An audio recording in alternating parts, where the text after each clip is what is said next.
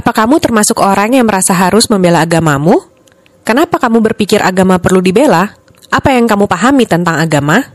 Agama tak lain adalah sebuah sistem ciptaan manusia untuk mengatur kepercayaan, peribadatan, tata kaidah yang berhubungan dengan adat istiadat dan pandangan dunia yang menghubungkan manusia dengan tatanan kehidupan.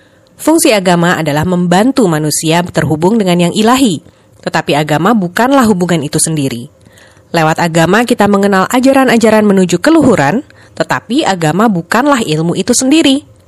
Ilmu keagamaan tidak bisa sekedar dibaca atau dihafalkan, dan hanya bisa kita pahami jika kita melaksanakannya. Artinya, ajaran hanyalah pedoman, tetapi pada prakteknya kita tetap harus mengamalkannya dalam kehidupan sehari-hari. Dan perilaku kita mencerminkan hubungan kita dengan Sang Maha.